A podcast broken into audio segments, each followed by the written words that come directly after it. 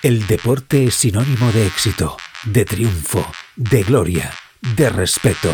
Los deportistas, atletas, jugadores, entrenadores son referentes, aclamados en todo el mundo y también son víctimas. Tribuna Marca con Joan Prats y el podcast Crímenes Ibéricos de Apcas.com presentan Crímenes Deportivos, el podcast que te narra las muertes y asesinatos de deportistas de todos los tiempos.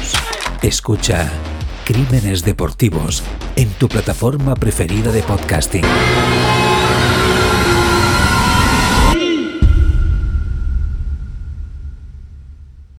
Bona tarda i benvinguts al Tribuna, un programa que fem damunt d'una bicicleta mentre xutem una pilota per marcar gol, avançant a la corba a 230 km per hora, amb la mà dreta llançant un tir triple, amb l'esquerra esmaixant amb la raqueta, i tot mentre nedem als 200 metres papallona.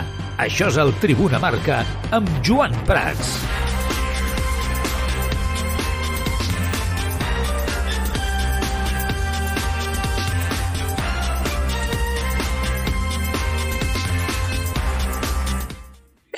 Què tal, com esteu? Molt bona tarda. Benvinguts un dia més al Tribuna Marca. Joan Laporta cridat a declarar pel cas Negreira. La Fiscalia ha sol·licitat la compareixença de Joan Laporta perquè l'actual president del Futbol Club Barcelona declari com a testimoni del cas Negreira que investiga el pagament de diners quan aquest va ser vicepresident del Comitè Tècnic d'Àrbitres. Així mateix, la Fiscalia també demana que compareguin davant del jutge els exmandataris Joan Gaspar i Sandro Rossell, segons ha avançat El País. El mateix diari eh, dimarts va informar que la Fiscalia tenia previst incloure el Futbol Club Barcelona com a persona jurídica entre els eh, denunciats per un cas de corrupció continuada en l'esport. Citant fons judicials, va indicar que la denúncia també es dirigeix cap a l'expresident del Barça, Josep Maria Bartomeu, així com a exintegrants de la seva junta directiva, més de l'exàrbitre i exvicepresident del Comitè Tècnic d'Àrbitres, José María Enríquez Negreira, que és, sens dubte, el gran protagonista de tota aquesta història. La policia investiga el cas des de fa un any i les seves conclusions seran traslladades ara a un jutge de Barcelona. El presumpte delicte de que s'acusa el Barça va entrar en vigor amb la reforma penal del 2010 i és per això que la directiva que queda implicada en les denúncies pertany a l'etapa Bartomeu, tal com vam explicar ahir al Tribuna Marca, tot i que els pagaments del Barça a l'empresa d'Enriquez Negreira es van iniciar l'any 2001, quan Joan Gaspar n'era el president i es van mantenir sota els mandats de la Porta, Rossell i Bartomeu fins al 2018. El fet que el delicte es contempli en modalitat continuada fa que les possibles penes que se'n derivin siguin més greus si el club o la resta d'acusats són trobats culpables. La novetat del dia, en el cas Negreira, afecta el Bar. Després de 17, de 17 anys de suposada relació amb el Barça, el senyor Negreira hauria fet un darrer intent de conservar un vincle que li hauria reportat 6,6 milions d'euros segons El Mundo. El rotatiu explica aquest dimecres, estem a dimecres, ja no sé quin dia, quin dia visc, que eh, un cop l'exàrbitre ja hauria estat acomiadat, es va posar en contacte amb la cúpula de Josep Maria Bartomeu per oferir la seva ajuda amb el bar implantat l'agost del 2018. En aquesta mateixa línia, el rotatiu apunta que el 2020, després que el Madrid de Zidane guanyés la Lliga de la pandèmia amb alguna polèmica pel videoarbitratge, va advertir al club blaugrana a mi us hauria anat millor. I deixeu-me que posi una mica una veu així de pel·lícula del Padrino, de gàngsters, perquè és el que sembla realment tota aquesta, tota aquesta història. Però aquí no acaba, no acaba el tema, no acaba tema no, no, no. Avui és un dia important. El País, més informacions que expliquen com la Fiscalia de Barcelona ha tingut que, que frenar no? la investigació oberta per aquests, uh, aquests eh, pagaments eh, presum, presum, presumptament, presumptament regulats, irregulars del Barça, l'exdirigent eh, arbitral, el senyor Negreira. Eh, els policies ja no poden prendre noves declaracions a testimonis o investigats ni examinar nous documents per acreditar els eh, delictes de l'administració de Jaial i la corrupció entre particulars, la querella de l'àrbitre del bar Xavier Estada Fernández, eh, que va presentar els jutjats de Barcelona, que vam comentar aquí la, la setmana passada, pels mateixos fets eh, obligats eh, al Ministeri Públic, és el que ha paralitzat doncs, eh, aquest, eh, aquest punt. Eh? I ara intentarem explicar-ho sense ser nosaltres eh, eh, juristes, però eh, sembla ser que és el que frena el tema perquè ara ja, i per això passa la, la Fiscalia, passa a investigació i passa doncs ja el Barça també s'ha acusat i a obrir-se un procés judicial gràcies també en part a aquest, eh, aquesta denúncia, quan hi ha una denúncia a partir d'aquí sobre aquest procés judicial. bueno, és una mica farragós tot plegat. Eh? Luis Rubiales, president de la Federació Espanyola de Futbol, ahir a 4 amb Risto Mejide, deia això sobre el cas i sobre aquesta teoria que volta pel món del futbol de que tot això surt ara per perjudicar el Barça i que darrere de tot això està, atenció, Javier Tebas. En un momento en el que todo el mundo hablaba de lo mal que está la liga en comparación con la Premier, de las pérdidas, de tal, y puede que alguien haya querido utilizarlo. Porque la fíjate, Superliga puede estar detrás. No lo creo.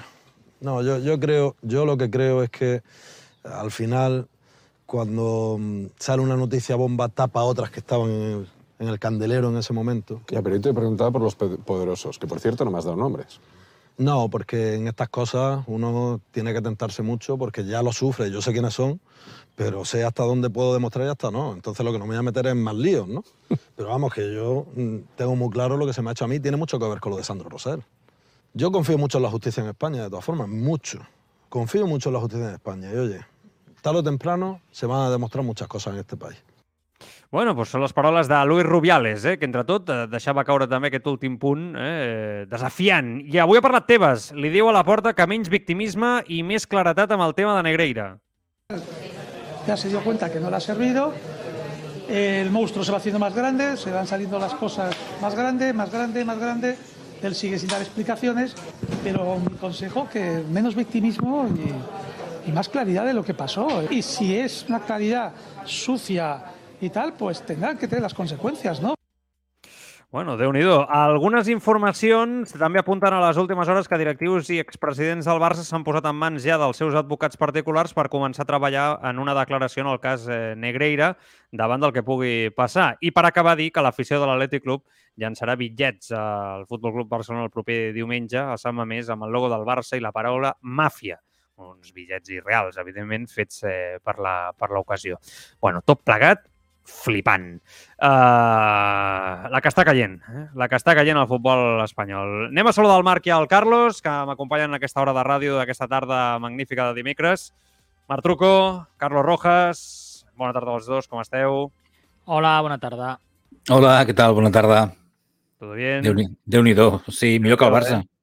Sí, bueno, millor que el Barça al futbol espanyol, no només el Barça, sinó que això és una crisi global. Ho dic perquè el del Barça, evidentment, és protagonista, però que jo, insisteixo, no deixo de repetir allà on em deixen parlar sobre aquest tema, que això és una crisi del futbol espanyol global, eh? que no es, pot, eh, no es pot oblidar. Bé, en directe a través de Radio Marca Barcelona, a través de radiomarcabarcelona.com, a través del Twitch, twitch.tv barra el Tribuna, ja veig que esteu tots allà preparats al xat, participant, eh? Dient, eh, dient la vostra, clar que sí, ara després llegirem els vostres missatges a través del canal de YouTube, a TikTok i a Twitter som Tribuna Marca i el grup de Telegram, per si voleu anar a comentar l'actualitat del Barça durant el dia amb els diferents oients, recordeu que el grup es diu Tribuna Barça, eh, en, aquest, eh, en aquest cas. Bé, sobre tot això, Truco, que he comentat, eh, hi ha molta cosa, eh, hi ha molta, molta teca i, evidentment, eh, aquí és, és, és, és una cosa cada cop pinta pitjor, eh, insisteixo, no només pel Barça, sinó pel futbol espanyol, i, de moment, el que tenim clar és que la justícia doncs, que faci la seva feina. A mi, a mi hi ha una cosa que m'ha cridat molt l'atenció, i aquí ho parlava ara abans amb una persona de la redacció del programa, no? que, que té a veure amb aquesta informació última que us he llegit del, del País, no? que la, que la, la querella de l'àrbitre del bar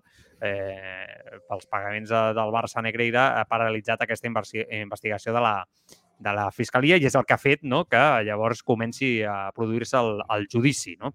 Eh, sense ser nosaltres juristes, evidentment, intentant i fem el que podem, fem el que podem amb un tema tan tècnic com aquest, perquè insisteixo, jo crec que al final intentem tot seguir eh, el tema, però se'ns escapa, sense ser advocats, i intentem aplicar el sentit comú a la situació, en aquest, eh, en aquest cas, eh, crec que és bastant evident, bastant evident que hi ha eh, un punt estrany en aquesta querella de, de, del senyor Estrada. Ho dic perquè en el seu moment eh, nosaltres ho vam comentar, vam dir, ostres, eh, això els àrbitres es posen de cul davant d'aquesta d'aquesta denúncia d'aquest àrbitre de forma particular contra Negreira. Amb quin motiu? Va ir per lliure en comptes del col·lectiu? El col·lectiu sembla que li donen l'esquena, però per què li donen l'esquena?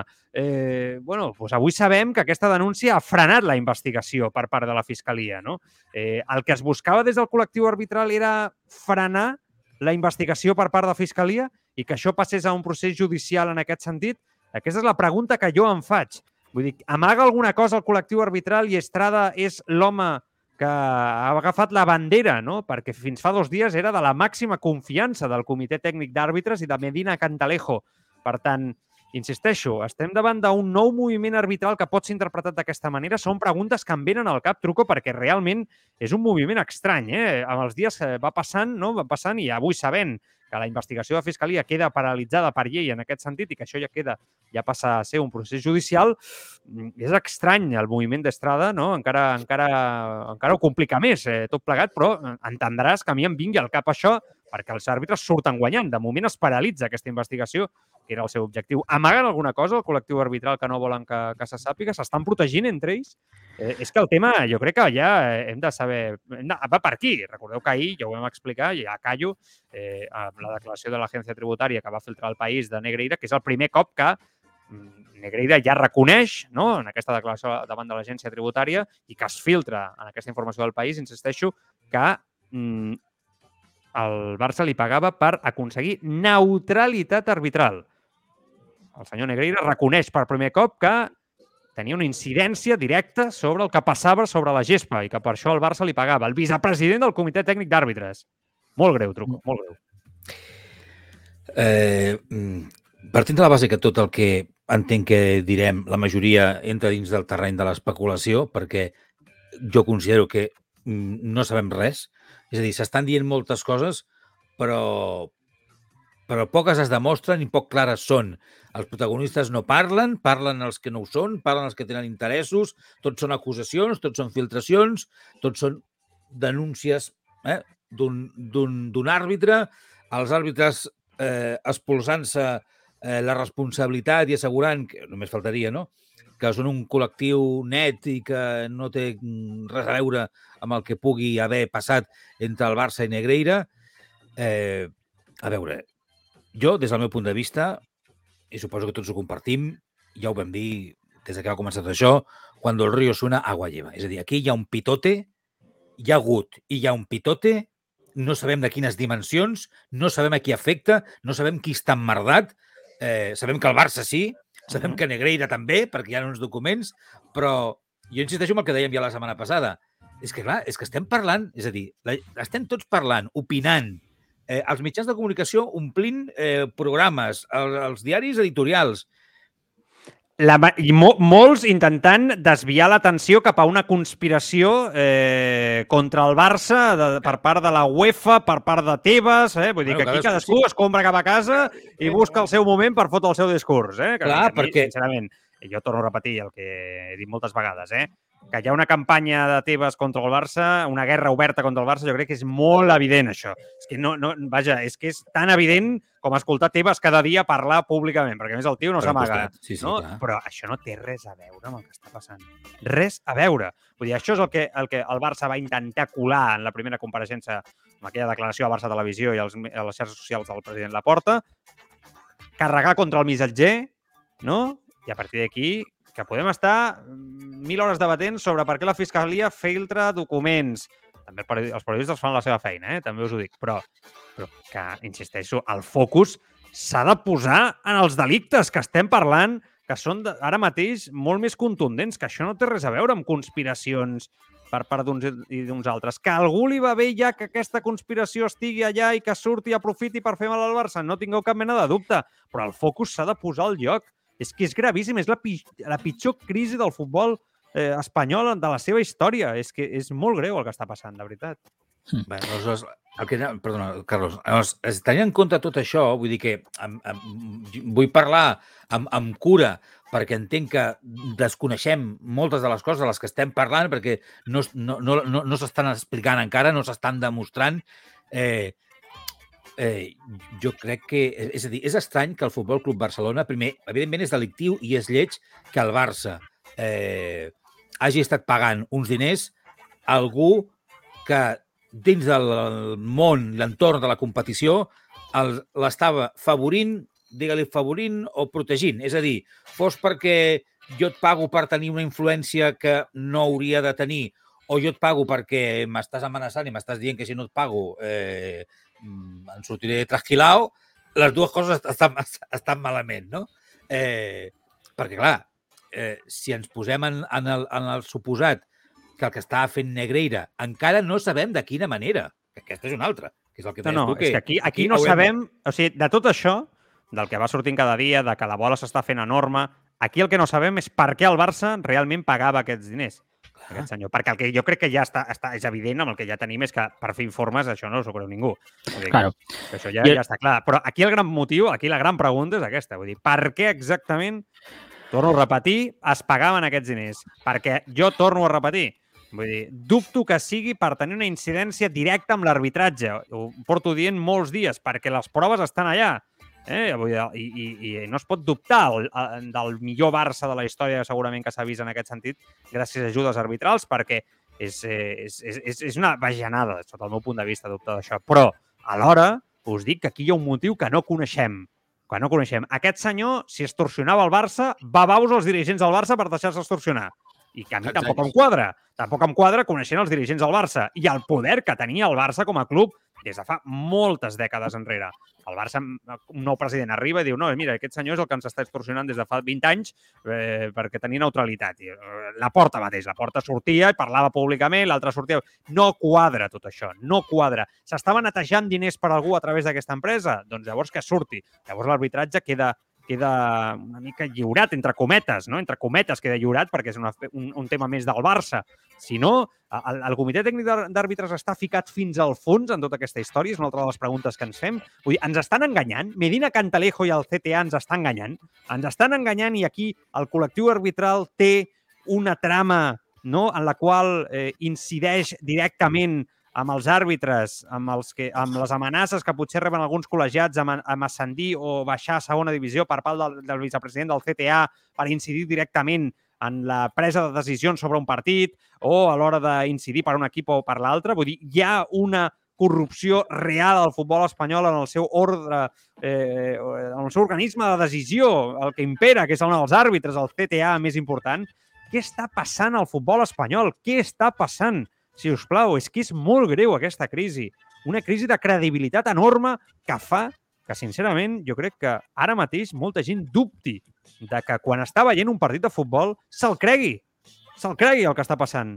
És molt greu, de veritat, molt greu. Carlos, si vas tu i seguim traient conclusions, hi ha molts missatges. Ara llegim missatges twitch.tv barra el tribuna, missatges, a més, molt interessants, com sempre. Sí, eh, yo personalmente creo que la pregunta decía Marc antes de. No, bueno, la pregunta, perdón, el dicho de cuando el río suena agua lleva, ¿no? En este caso hay otro, o no, no hay un, no es un dicho, pero sí que creo que es algo muy sintomático y muy significativo, y es que cuando ninguno de los estamentos implicados, ni Barça, ni CTA, ni Enríquez Negreira, es claro, está siendo transparente al 100%, está dando contundentemente, es que algo esconden. Porque el Barça, evidentemente, se la estrategia del Barça ha sido un poco, ¿no? La de mm, ganar tiempo hablando con comunicados, ¿no? Prácticamente con la porta leyendo un comunicado, algo que no había hecho nunca, eh, amenazando con todos los que especularan. Creo que la rueda de prensa no se va a producir, ¿eh? Veremos si, si se acaba No, Enrique excusa- Negreira no habla. No, eh, y- pero, pero la excusa ya es muy sencilla. O sea, eh, como hay ya un abierto, abierto un proceso judicial, el Barça oficialmente dirá, no, ya no podemos hablar públicamente de esto porque hay un proceso judicial abierto y por lo tanto tiene que sentir su, seguir su curso y ya no la tenemos crisis, pues, crisis de credibilidad que mí está decías, cantado que esto va a pasar, ¿eh? por la crisis de credibilidad sería brutal. Pero fíjate, aparte Enrique Negreira no habla, evidentemente, ¿no? Alega que Tiene no, no puede- tiene. Eh, y el Comité Técnico de Árbitros, que sí que monta una rueda de prensa, hace una rueda de prensa básicamente para aplaudir lo grandes que son y lo bonito que es el arbitraje y la tradición de arbitrar. Eh, con el presidente del CTA, que por cierto era árbitro en esa época, llorando, diciendo que su padre era árbitro y bueno, en fin. Es decir, aquí nadie coge, saca los documentos. Lo más interesante ¿no? Fue en aquella rueda de prensa que alguien dijo ¿no? que, que había constancia ¿no? de que de que Enrique Negreira estaba ¿no? en aquel eh, tenía que el acuerdo con el Barça por parte de un árbitro y que no lo notificó. ¿no? Eso fue lo más interesante y es lo único que han aportado directamente los, los implicados en la historia. Todo lo demás lo hemos conocido por la prensa. O sea, ellos no han salido y han explicado, mirad, esto es lo que había, tal, tal, tal, tal, tal, estos son los documentos. Por la y prensa es la labor. y por la fiscalía. Porque No, claro, sí. No, no, entiéndeme lo que quiero decir. Sarcásticamente, yo creo que hay un interés enorme, enorme por parte de la Fiscalía que, que todo esto se haga público y no se lleve en privado. Bueno, no, pero, pero, este es otro debate que también, si queréis, lo podemos tener, ¿eh? ¿Qué pero habría también? acabado saliendo. Habría acabado saliendo. Es decir, Bueno, pero Depende de que, de, de- de que ha- había acabado saliendo. Hay muchas cosas que no, sa- ah, no- pero no cuando, salen. sale la, cuando la fiscalía ya denuncia al Barça, ¿no? Y ahí ya, cuando ya lo metes en el BOE, ya sale. Claro, pero- ahora, ahora. Pero este ahora mes es de Run Run está hecho a postas seguro, porque todos Claro. sabíamos. Cuando ya salió y cuando se empezó a crear este, este ambiente ¿no? de crispación, de, de dudas y tal, justamente son tres semanas el periodo que pasa y hasta que llega esta denuncia que se produce ¿no? esta semana. Mm. Por tanto, estoy seguro que querían ¿no? a nivel mediático crear ese caldo de cultivo para que luego la fiscalía apareciera y dijera el Barça ha denunciado ¿no? por, por todo. Por todo I este esto tema". està bien? O sea, això truco com a país... Eh, eh, això és normal? Això, és això està bé? Ah, clar, és que a veure, és que això també em sembla la, la llet, tu. O sigui, igual que diem unes coses i que demanem justícia per altres, també valorem aquests punts, no? Vull dir, mm, insisteixo, els periodistes no, no, no carreguem contra el, el missatger, eh? Vull dir, jo no canvio el, el meu discurs, eh, el missatger fa la seva feina, el periodista li rep una informació, la treu, vull dir, només faltaria, però mm, si la fiscalia protegeix la seva, la seva informació, el periodista per molt excel·lent que sigui, el publisher no, no, no, no accedirà a la informació. Vull dir que si hi, ha, si hi ha un silenci absolut, aquí no passarà. Vull dir, jo estic amb el Carlos, hi ha hagut un interès per situar el Barça, i especialment el Barça, i el, també els àrbitres, al- a l'ull de l'huracà. Vull dir, utilitzar el, el món mediàtic perquè després hi hagi una pressió no? a l'hora de prendre una decisió des del punt de vista judicial tinguem-ho clar, vull dir que, que això també és el que està, està passant, que és, que, és, que, tot, que per mi tot està molt brut. Vull dir, des, des dels que ho fan, des dels que sospitem que ho facin, des d'aquestes filtracions, com diem, a l'hora de tractar-ho, i per part d'alguns mitjans de comunicació, no tots, com han tractat aquesta informació contra el Barça, donant per fetes algunes coses que no s'han mostrat. Vull dir, que tot fa pudor, que diem que és molt greu la crisi, vale, però mm, aquí mai haureu escoltat, el Barça ha fet això, això, això i allò. No, perquè entenem que hi ha un procés. Hi ha alguns mitjans de comunicació que porten setmanes, vaja, a l'infern, eh? a l'infern més absolut, dialècticament contra el Barça, eh, i això tampoc això tampoc és. Vull dir, eh, eh, vull dir, crec que la brutícia no és només el cas, sinó és tot el que està aixecant el propi cas, no, alhora? És que deixa'm dir, des d'un mitjà de comunicació, sense posar noms, que cadascú entengui el que vulgui, que els mitjans de comunicació mm, són un dels principals poders de la societat actual des de fa molt de temps. I que una cosa és el periodista, no? eh, individualment, que treballa en informació, que, que li arriba, que investiga, que publica, però per damunt del periodista hi ha eh, editors, eh, hi ha directors de mitjans i els mitjans de comunicació també publiquen moltes vegades quan els interessa per un motiu X, que sobrepassa, que va més enllà de l'interès periodístic, o no publiquen i els guarden perquè estan esperant alguna cosa. Això també també passa. I, evidentment, els mitjans de comunicació, igual que nosaltres donem la nostra opinió, que això els oients s'ho creuran o no s'ho creuran, però és una opinió desinteressada, és una opinió simplement crítica, no? que intenta saber o buscar la veritat Mm. i, en tot cas, donar cadascú individualment la nostra opinió del que sabem, però hi ha altres mitjans on hi ha una línia editorial molt, molt marcada i les informacions a nivell d'opinió, sobretot, i alguns podien, eh, podien fins i tot dir, algunes No, persones... és una mica brut, això, sincerament. Mm. I la, que, Que, o sigui, tenir una, línia- aprofitar una línia editorial per fer mal al Barça gratuïtament perquè és Bueno, una informació... però això eh, passa eh, políticament, també. Amb, amb, Clar, amb clar, de bueno, no, no, que passi políticament no significa que no sigui brut i que no sigui Ja, ja, no. Claro, que pase en la política no significa que pasar en el periodismo. ¿no? No, però vull dir, quan tu preguntaves si el país no sé què, el país està podrit... De Ah, vull dir que, és que, que, de- que segurament de tot, de aquest, tot el cas Negreira és el, el, el reflexe més pur de, de, de la societat en la que vivim. La crisis el de credibilidad de todos. De De todos. tots. Vull dir que aquí jo crec que eh, és un motiu més per esgotar-te com a ciutadà, no? Perquè dius, mira, políticament ja sabem com funcionen les coses, la, la cosa que hi haurà coses bones també eh, a la societat i a Espanya segurament és mi, millor que molts altres països, segur, però que dius el futbol, que m'ent- m'entreté el cap de setmana, que m'apassiona, no? Tampoc. Allò, eh, tampoc. Eh, tampoc. Llavors, bueno, clar, és, és que dius... Collons. Sí, sí, que- sí, es una, es una, es una crisis brutal. Y, y fíjate que con todo este, este embrollo que tenemos, yo creo que hay una cosa que nunca sabremos, que tú has dicho, Liga. Aquí lo importante es saber por qué el Barça ha pagado ese dinero. Yo creo que eso es exactamente lo que nunca sabremos. Sí que lo sabremos. Y tanto Yo creo que sabremos. no. Yo creo que no, porque creo que es- está tan. o sea, ta- hay tanta gente haciendo fuerza por esconderlo Sí. y, y tan escondido de aquella manera que. Però a veure, Estic d'acord Carlos, amb el Carlos, depèn del que siguin aquests diners. Eh, us dic una cosa, al final eh, ha entrat la justícia ordinària, el Barça té una guerra oberta amb UEFA, que això és evident que el perjudicarà de forma clara en tot aquest procés. No? Jo crec que això és, és, és evident, que la UEFA, que ja està investigant el cas, intentarà anar contra el Barça de forma clara. Mm, la justícia seguirà el seu camí eh, els polítics acabaran entrant en això. Ja l'altre dia el, el, no, el va haver una declaració, em sembla, d'algun d'algun diputat que demanava també aclarir eh, al Congrés eh, eh, què passava amb el, amb el cas Negreira, etc i demanava també explicacions. Aquí, eh, a- tard o d'hora, s'haurà de saber en el procés judicial què va passar aquí. I dius, no, no ho sabrem. És que el Barça, el, no intentaran protegir el Barça. El que intentaran protegir és el negoci del futbol espanyol.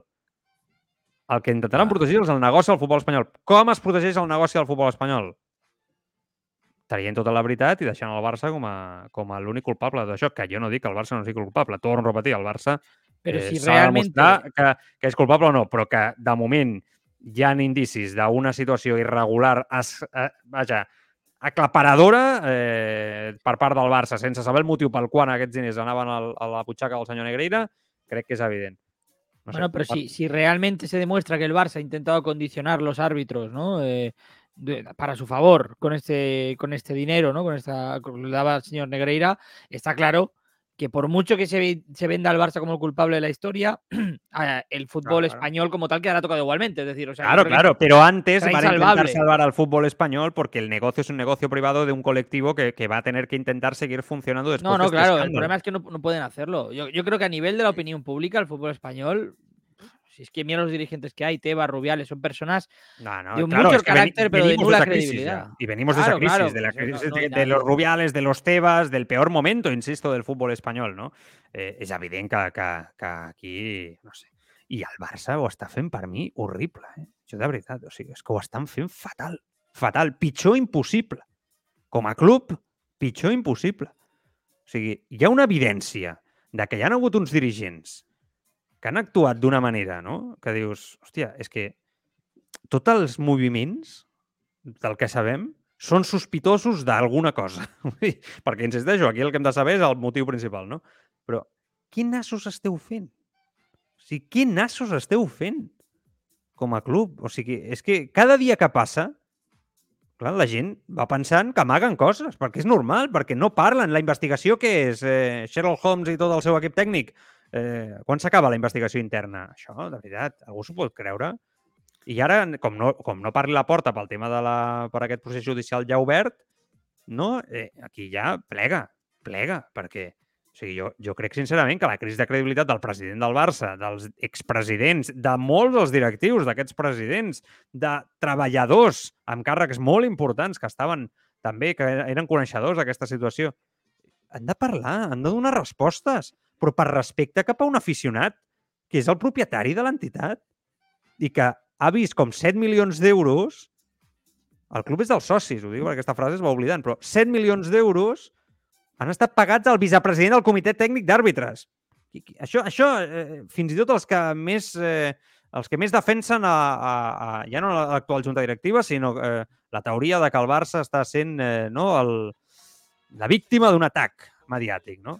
A què contesten això? Estan d'acord amb que el Barça pagui 7 milions d'euros a, a, un, a una empresa de, al vicepresident del CTA? Aquest és el futbol que volen? Aquest és el club que volen?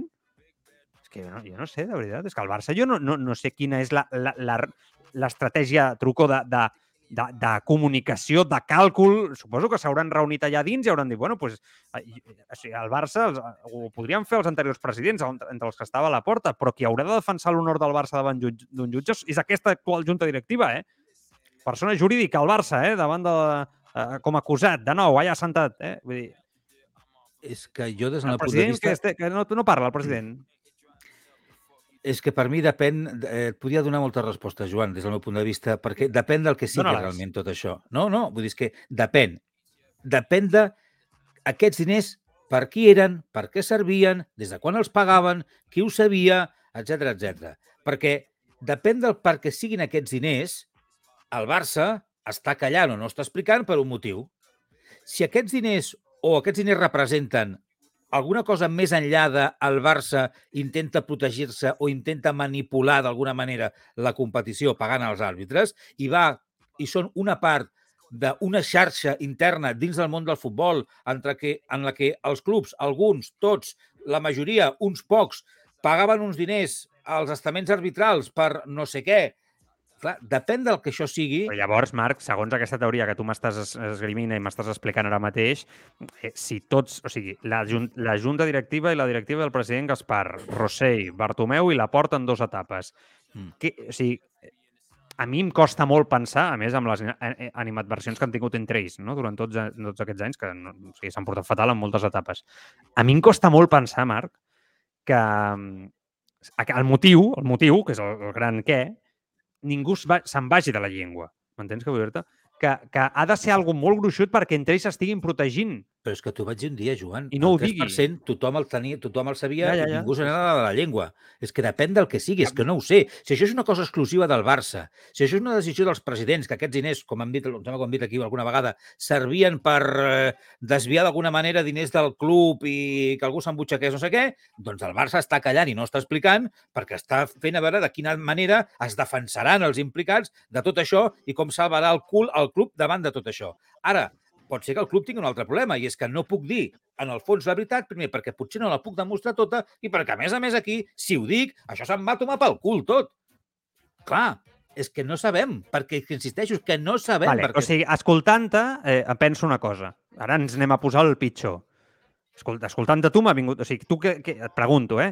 Què m'estàs dient? Que, per exemple, tot el futbol espanyol porta podri- podrit des de fa 20 anys, que això és només la punta de l'iceberg, que i ser. que darrere, per exemple, tot el col·lectiu arbitral està comprat, dirigit, ha dit per part dels seus dirigents, que tots els clubs juguen al joc mafiós d'un futbol espanyol eh, doncs, decidit, no?, d'alguna manera, eh, des del col·lectiu arbitral, en part amb el beneplàcit de tots els clubs, dels presidents de Lliga, de federacions, etc etc, i que aquí hi ha una trama, no?, i que qui parli Mafiosa, sap, les sap màfies que cau tot així. darrere, no? Sí, pero, pero yo Bueno, creo que esto... Penseu que estem davant d'un escàndol com aquest, eh? És que llavors... És No creo que los casa, equipos- perquè és que llavors... No se entendería el comunicado de los clubes que hicieron, ¿eh? Aquellos, eh, recordemos, los 18 que firmaron, todos menos Barça y Madrid. Ojo, eh, no todos los equipos que porque las informaciones posteriores que se, han, que se han filtrado y se han explicado es que había, eran seis, ¿eh, Carlos? Los que querían hacer ese comunicado, seis.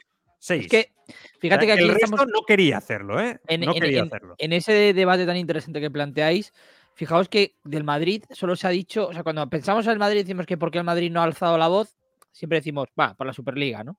Que No, puede ser, no, ¿no? Yo no, yo no digo Pero eso. es que, Pero ojo, ojo, ojo, que es interesante porque, porque si tú rascas un poco en este debate puedes encontrar ¿no? Hombre, mil motivos más, ¿no? Puedes decir, está claro. no, igual no solo es por la Superliga, igual es porque hay algo Hombre, más aquí, eh, ¿no? Es que está claro. Es que, a ver, o sea, e- es verdad que no podemos acusar a nadie i que nosaltres ara estem fent ficció en una situació que, insisteixo, és Ah. que és molt desagradable i el futbol espanyol ha entrat en la seva pitjor crisi de credibilitat de la seva història i anem a veure si es recupera d'això, eh? El futbol espanyol, ja ho veurem, però és evidente que mucha gente, Carlos, no lo quería decir yo, pero ya lo has dicho tú, eh, además tú, representando al equipo que, representas aquí, ¿no? En este caso, eh, está claro que mucha gente, mm, incluso del Madrid, está diciendo, ¿por qué el Madrid no sale a ser más contundente? No puede ser solo el tema de la Superliga. Es que ellos eran conscientes de esto, es que el Madrid tiene conocimiento sobre tal. Acusar, mm, como estoy haciendo, es muy fácil desde, desde mi asiento, o como lo has dicho tú desde el tuyo, sin saber nada, pero que suena extraño, ¿no? La posición, solamente por el motivo de la Superliga ante un escándalo de tal calado como este, a mí, sinceramente, me suena raro, ¿no? Es lo que digo. Parece extraño. Es, mm, no es normal, digamos, ¿no? O sea, no, no sé.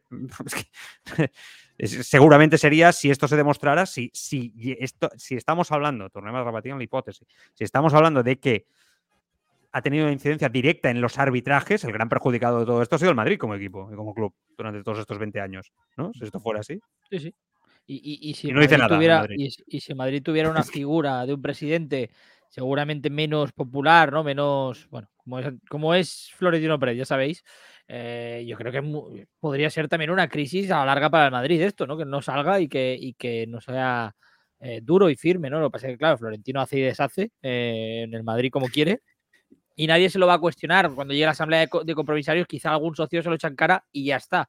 ¿no? Claro. Pero, pero nadie ha dado ninguna explicación por parte Nadie, del club. nadie. Es curioso, ni- Silenci ni, absolut. Butragueño, nadie, nadie. Però és el que diu el Marc. Quan el Marc posa l'exemple del 3%, jo recordo que quan va esclatar hi havia un silenci absolut i que després va acabar caient, i, i a més, i fins, fins fa poc, eh, es va acabar de netejar jo. bueno, netejant, enteneu-me, vull dir, va acabar de sortir tota la merda que hi havia darrere de les catifes, no? Eh, Sota les catifes, però és, no, és, és una mica semblant, no? Sembla que hi ha algú aquí que no sabem què és i que aquí va, va caient tot amb comptagotes. Sé. I, i, i ho dic, ho dic com, a, com, a, com una possible teoria, perquè insisteixo, com que no s'explica res, com que no se sap res de, de, de, del cert, i l'únic que tenim són especulacions i coses que a vegades en, en, ens han xiulat a les orelles, no? Mhm. perquè tots hem vist. Clar, si, si, si anem a buscar la meroteca, com alguns ja han anat a fer, i comencem a veure, hòstia, clar, és que aquell dia tothom, és igual que fos el Barça o el Madrid o l'equip que fos, tothom estaven veient clarament que allò era fora de joc o no era fora de joc i l'arbitratge, tot i anar amb el, amb el bar i tot això, van donar el contrari. a- a- I tots van dir, ho aquesta- vale! Sí, ah, I ah, va sí, tirar sí. cap endavant. Quantes d'aquestes en? Doncs, eh, Ah, 50.000. quantes- 50.000. quantes Però en decisions- contra del Barça, per mi, 50.000, eh, I, també. i en contra del Barça, sí. I a Per favor, i tant, l'altre tal. tot això pot ser que sigui, bueno, el mundo és així, imperfecto, val? O Que era el que ens agafàvem una mica, no? De dir, eh, no, no poden encertar sempre, la pressió, l'àrbitre... Jo, jo ho he dit moltes vegades. La... I ara ja sospites de tot, clar, perquè això està canviant els arguments de molta gent, evidentment. Clar, a veure, que jo dic això i tampoc sé exactament mm, això com es podria armar, de quina manera. Vull dir, tot això era a través del Negreira. Si, si això fos veritat, era a través del Negreira, només pagava el Barça, creuaven mails, perquè una altra cosa que a mi m'estranya moltíssim és que, Que hi hagi és ni un mail, no?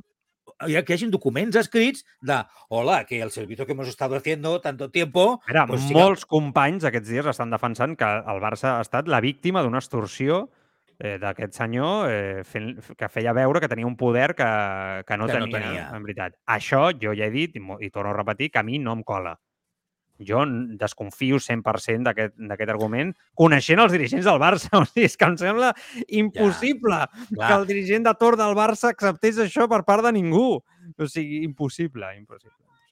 No, i que això jo, jo entendria que en un inici, originàriament, alguna vegada apareix algú amb poder dins d'un estament i t'acaba enganyant, però al cap dels anys no pot ser que diferents juntes no se n'adonin que t'estan prenent el pèl, no? Ah, clar, que, que, que, que en un moment determinat, però entra el nou president, eh, la, però que el Barça és un club que en algun moment ha tingut, eh, Carlos, más poder que el Madrid en las instituciones, ¿eh? en los últimos Claro, sobre 20 años. todo, sobre todo en la, en la época, en la primera etapa de la porta, ¿no? En la etapa final, ¿no? Eh, Villar, sobre cuando- todo, también, ¿no? Estaba muy bien considerado. Vull dir que a mi no em quadra que el Barça fos la víctima on a la Federació Espanyola de Futbol la porta tenia una excel·lent relació amb Ángel María Villar, amb Joan Gaspar com a vicepresident de la federació. És que això es diu poc.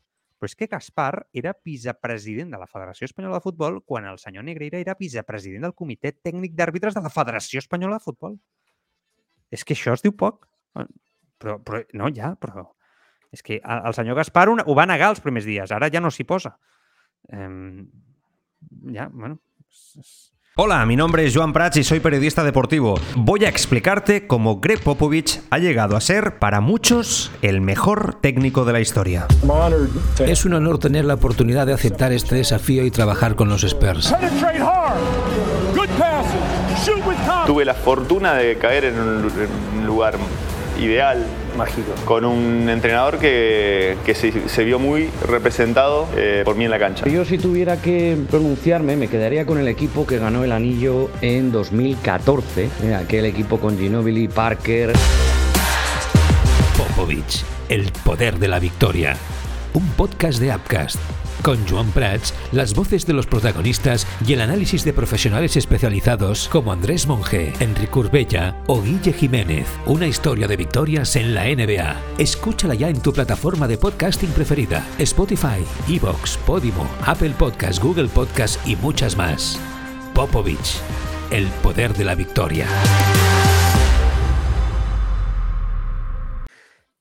Aquí, aquí, Gaspar, que, que a mí me- me, acabo de, me acabo de acordar que dijo como vicepresidente de la, de la federación, digo ya como vicepresidente de la Mm. federación, que, ¿no? que iba a per- que, que si él pudiera, perjudicaría al Madrid lo que pudiera, ¿no? Siempre lo digo Bueno, por pero- aumentar la. Pero, las- pero también tienes al antiguo de los comités técnicos de árbitros, ¿no?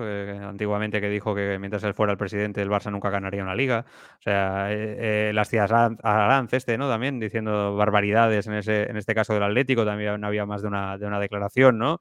Y después tienes a Tebas eh, diciendo que es claramente del Real Madrid, ¿no? Y, y criticando día sí día también al Fútbol Club Barcelona. O sea, es que si nos ponemos así, podemos encontrar eh, 50.000 ¿no? declaraciones en esta línia. No ho sé.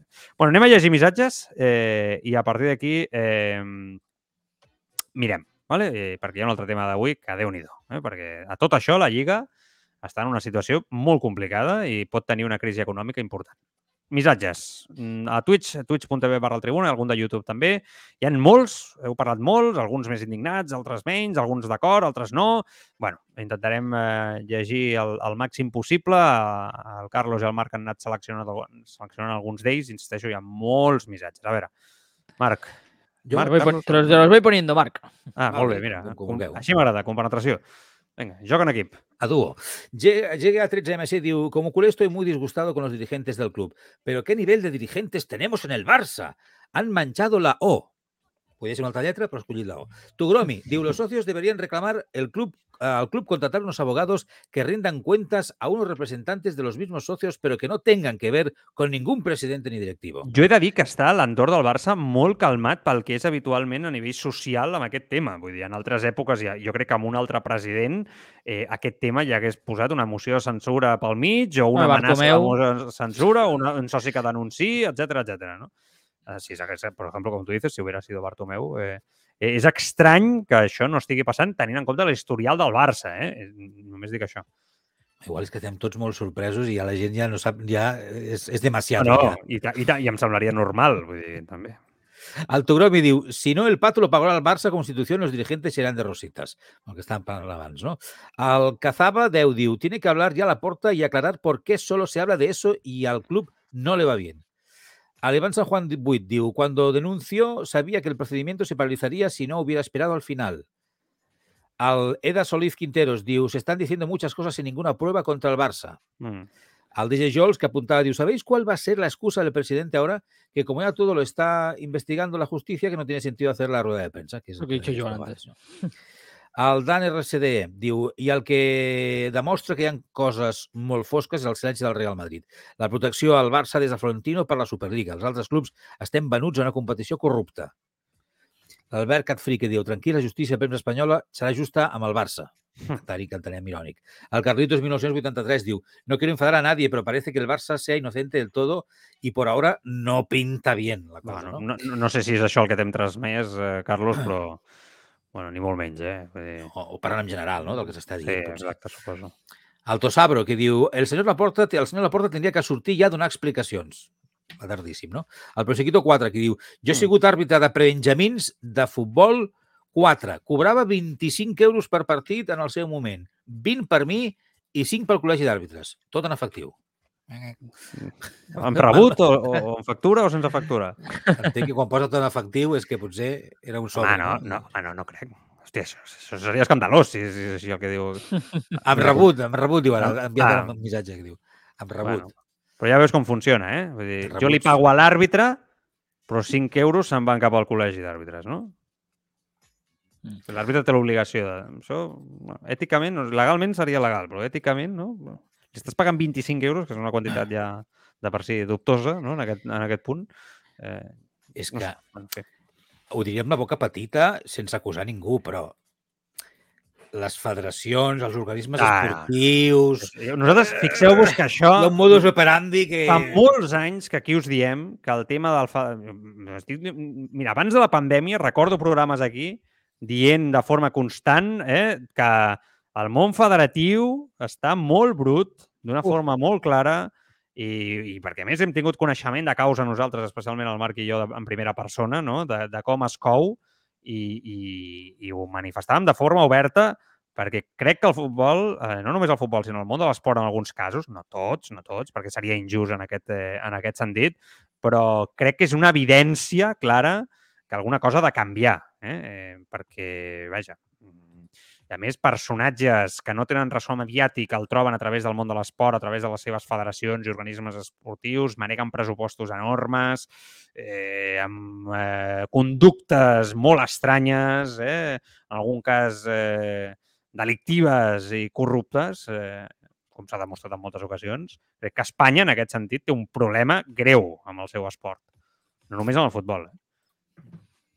Bé, el Manlop Gar, que suposo que deu ser Manolo López García, que té fins i tot un logo, s'ha fet un logo per ell, solet, bé, bé. diu, ja està, sí, està Molt bé. muy preparado para la vida moderna. Diu, creo que ya lo he escuchado todo. Saludos a Negreira y a Pau del Peño, que me deben 6.000 pesetas de whisky. Vale. 6.000 pesetas de whisky.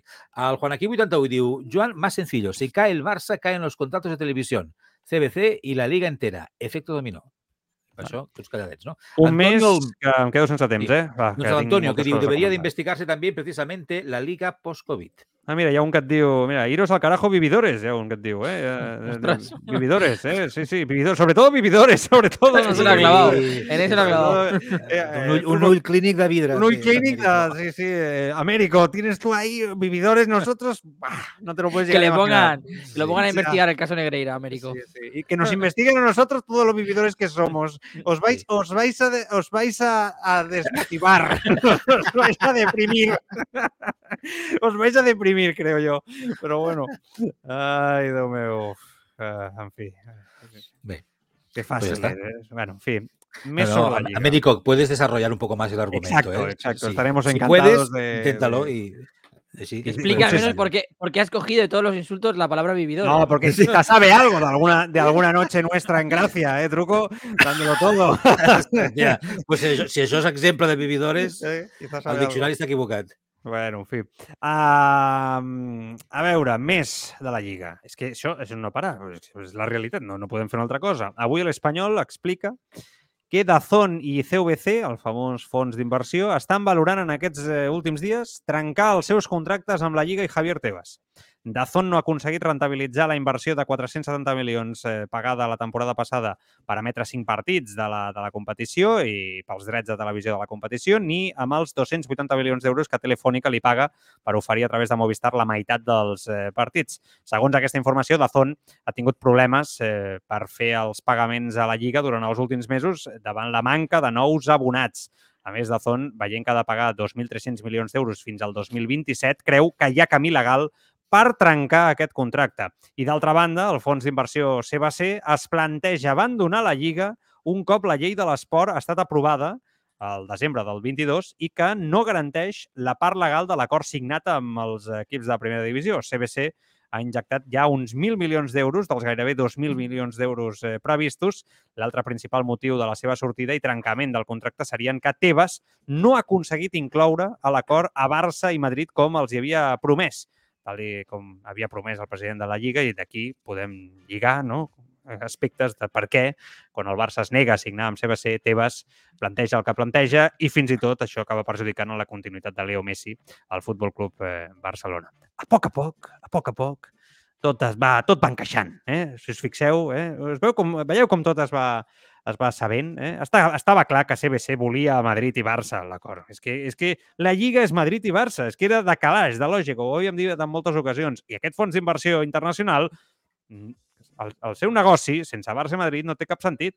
I fins i tot mm, suposo que veuran, entenc, veuran marge legal per trencar aquest contracte perquè el senyor Tebas i la Lliga doncs, sembla que, doncs, que havien anat eh, no? prometent, segons aquestes informacions. Bueno, a mi aquesta informació em sembla molt greu, però ja no, ja no només per això del tema de CBC, que a mi això ja no em sorprèn, perquè crec que era de lògica que això estava passant i que per això el Barça s'ha estat, ha estat tan perjudicat eh, pel senyor Tebas els últims temps, sinó que sobretot, sobretot, el que a mi em preocupa és que tu tens dos fonts ara mateix econòmiques que han estat capdals per mantenir la, i garantir no? la idoneïtat del campionat mm, econòmicament parlant, el tema de CBC, que segons ell s'havia salvat els clubs, que ara se't pot quedar eh, a la meitat perquè vol, vol, vol desaparèixer, però el pitjor de tot, qui paga els drets televisius? O sigui, el futbol espanyol depèn de la tele.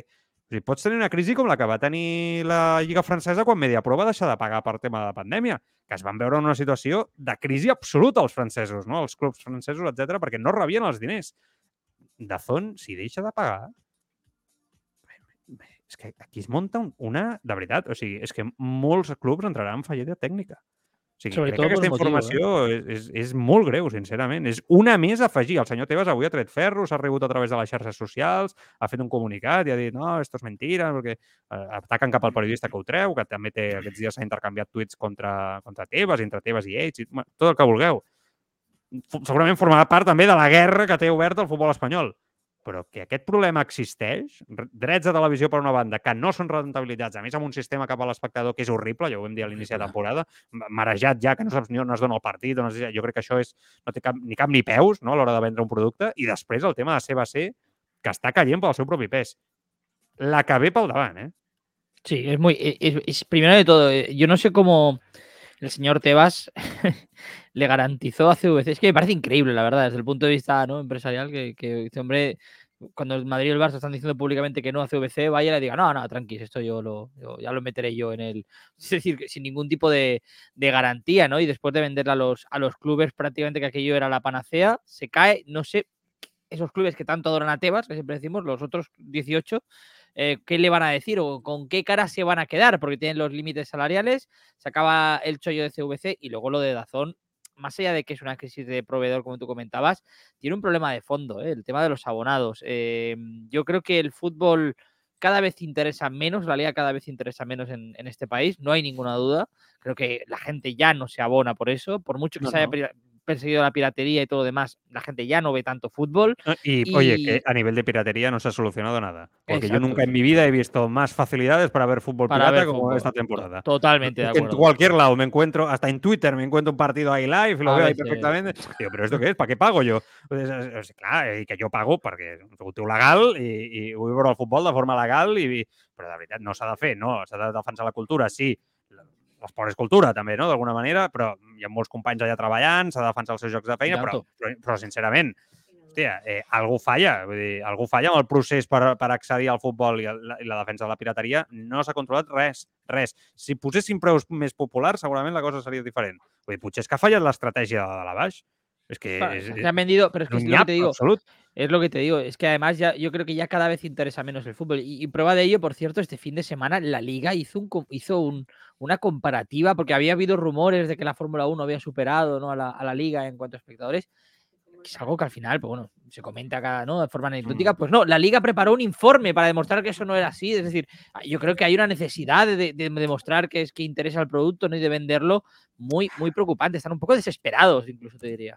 Pero te voy a decir una cosa, para el espectador es el peor, la peor liga de cómo se vende a nivel televisivo de todas las grandes ligas europeas y seguramente de cualquier gran competición eh, en el mundo. A mi aquesta plataforma de Zon, de la que tinc companys que treballen i que fan una excel·lent feina i no tinc res a dir, però sincerament a mi em sembla la, la plataforma més complicada del món. O sigui, més complicada del món. O sigui, truco, no sé, com usuaris. O sigui, di, difícil, farragosa. I després, si eres d'Orange o de Movistar, recorda el que, la la primera jornada el que va passar amb Movistar, que tu anaves a posar el canal de Dazón, ja no estava disponible. Havies de fer una clave, una, estra una estra- estratègia allà militar russa eh, del CSI Miami, tu, o sigui, allò era, allò era àlgebra per mi, tu. No entenia res del que havia de, de, de fer. En comptes de posar facilitats a la gent a l'hora de posar, no? a l'hora de fer que Però- ja que paguen, vegin el futbol. Eh, les factures es van incrementar de cop sense avisar. Vull dir, allò era un despropòsit absolut. Tu com a competició, com a lliga, tu has de protegir. No, no has de dir, no, aquest paga, jo li agafo els diners i vinga. No, no, tu has de dir, bueno, aquest paga, li agafo els diners, però vostè com implementarà el sistema? Perquè, com fa la NBA, bueno, jo li venc a vostè, però vostè és una televisió seriosa, farà les coses bé, a, a, perquè jo sense massa social no sóc ningú, per tant, necessito que a, arribi el meu esport a través de vostè, però hem de protegir el producte que arribi d'una manera fàcil. Eh, Com pot ser que la Lliga no tingui un League Pass, com té la Premier League, per exemple?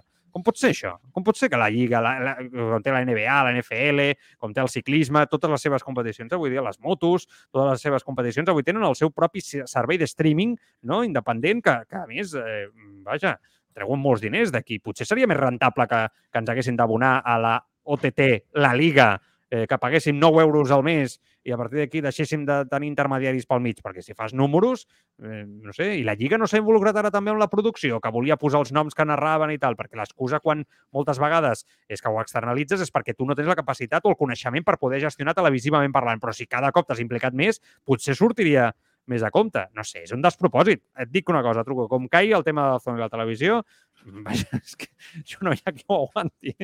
Jo és que jo, jo fa dies que ho adverteixo. Això se'ns està caient, el, caient a l'invent. El xiringuito s'està desmuntant, sí. Home, sí, sí jo, evidentment, jo crec que és, és, és, una, és, és un grup de causes no?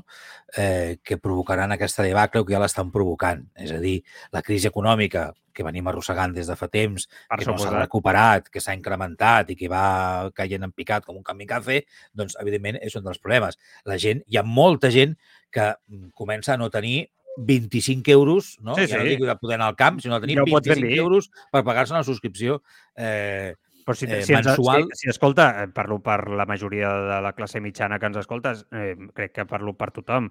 La majoria de nosaltres, quan anem al súper, ens mirem molt més que fa dos anys el que comprem al súper i, bueno, no sé vosaltres, però t'estàs de deixar, t'estàs de comprar allò que abans potser compraves així com el caprici, eh, el caprici, ara dius, hòstia, doncs em, em freno aquí perquè això està pujant una barbaritat. No, truco, vull dir, crec que és una obvietat. La Clar. gent que s'ho pensa al súper anirà i pagarà barbaritats pel futbol, Eh, no, vull dir, no cadascú... quadra, el negoci no quadra. Clar, vull dir, cadascú té el seu món i igual no se'ls gasta amb això, no se'ls gasta amb una altra cosa, doncs ja està, no? Però vull dir que en general, jo crec que això no ajuda. Els clubs, evidentment, eh, eh, doncs tampoc estan bé perquè venen d'on venen i de la pandèmia i els ha Mhm. afectat. I si abans ja era eh, un, eh, un sector que, des del meu punt de vista, que es movia, crec que d'una forma extremadament eh, radical, només pels diners, pels diners, pels diners, eh, encara això crec que guai, ha motivat que encara vagin més a pels diners. I això fa que s'hagin vengut, i potser s'ha fet una mica de globus, no? els drets al, al millor postor i ha estat una competició també radical i ferotge per qui posava més pasta. Però, clar, arriba un moment que aquesta gran pasta que valen aquests drets, als clubs ja els hi va bé en aquest moment, però després rentabilitzar, recuperar aquests diners, Jo ho tinc claríssim. És, Sí, és això, cada o vegada sigui, més difícil. El, el que paga de Zon o Telefònica en el seu moment, etc pel futbol, no, no, és, no és negoci. O sigui, jo crec que està, està, massa, ma- o sigui, està sobreexplotat el preu, perquè Ah. després recuperar-ho no, no tens, un, Ah. no tens un, un client amb una fortalesa econòmica, no? El 80% de la teva clientela no té una fortalesa econòmica per pagar aquestes xifres. Per tant, per això Dazón no rentabilitza, Ah. saps? Però la Lliga li ha de dir Dazón. Per, jo també entenc a Dazón que li digui a la Lliga escolti, és que vostè m'està venent un producte que, que jo no, no, és que ni venent-li una No, para no me genera telefònica. beneficio, claro. Clar, és que m'estic Ah. deixant la vida aquí i vostè no... Que m'ha enganyat vostè, que m'ha enganyat. No? És que és molt complicat, sincerament, és molt complicat. Què passa, Truco, que rius? No, no, tinc la meva filla fent el pallasso per aquí. Ah, ah, vale, Eh, vale. eh, sí, sí, sí, sí. No, pensava que era Eh, riure irònic. Eh, No, no, no, jo és que crec que això Tu mateix els teus pares m'ho havies explicat, no? Són el clar exemple, no? M'ho havies explicat, que els teus pares havien pagat futbol sempre i que aquest any el teu pare havia dit fins aquí ja m'ha acabat, a mi No, no m'aregeu no. més ni... Amb... Eh, Ah, Però no, el cas del meu pare és, és sí, però està, està molt enfocat amb el tema de Movistar, també. Movistar. Eh, Bueno, però és que té molt a veure, eh? Al principi de temporada recordeu que Dazón s'inclou allà dins de Movistar, s'intenta colar d'alguna manera, et pugen la tarifa de cop, has de fer aquesta, aquest exercici d'àlgebra eh, suprema per entendre el sistema per poder veure el futbol. Era impossible. És que té molt a veure. Bueno, en fi. I, el- I el meu pare, que sempre veia futbol, perdó, el meu pare, és, que és un clar exemple de que el meu pare, que sempre veia futbol, jo crec que amb el tema Movistar ell va acabar fins als nassos per altres coses de la gestió, que jo crec que ve ser una mica el mateix, és a dir, al final vull eh, que em paguis diners, que em paguis diners i el servei, doncs ja veurem quin servei et dono. I ell li, li ha passat des de fa molts anys que, que, que, que, s'ha hagut d'acostumar a dir, vale, doncs veuré alguns partits. Ja no, ja no podré veure cada dia eh, que hi ha el partit del Barça i no el podré veure sempre perquè hi ha Clar, clar, alguns que, que ja no, no vull pagar més, llavors no els veig. Quin nivell de dirigents. A clubs, a dalt, a federacions, a l'altre... els- Bueno, és que és de veritat. Que tot, tot té a veure amb això, eh? amb el que el nivell és molt, molt, molt baixet. Bueno, eh, a veure, anem per parts. Eh, tema també aquest. Ens centrem en el Barça. Eh, ara mm, abandonarem la missió en, en FM, seguirem fent el programa a través de Twitch ràpidament per tractar aquest tema de, de Xavi, i més perquè hi ha un tema de Mateu Alemany i intentarem allargar de 10 minutets més encara que, encara que, que sigui, però eh, en tema en clau Barça. Ahir la porta demanava i deia estic, estic valorant la renovació de Xavi com si Xavi ho tingués claríssim i ahir Xavi en un acte de Terrassa, a la seva Terrassa natal, mmm, vaja, que no es mostrava tan convençut. meu i hi ha confiança, hi ha confiança. Però bé, primer els resultats, després, després ja en parlarem. O sigui, no va, no va de diners, això. Vull dir, no va d'anys de contracte. Primer resultats, després ja en parlarem.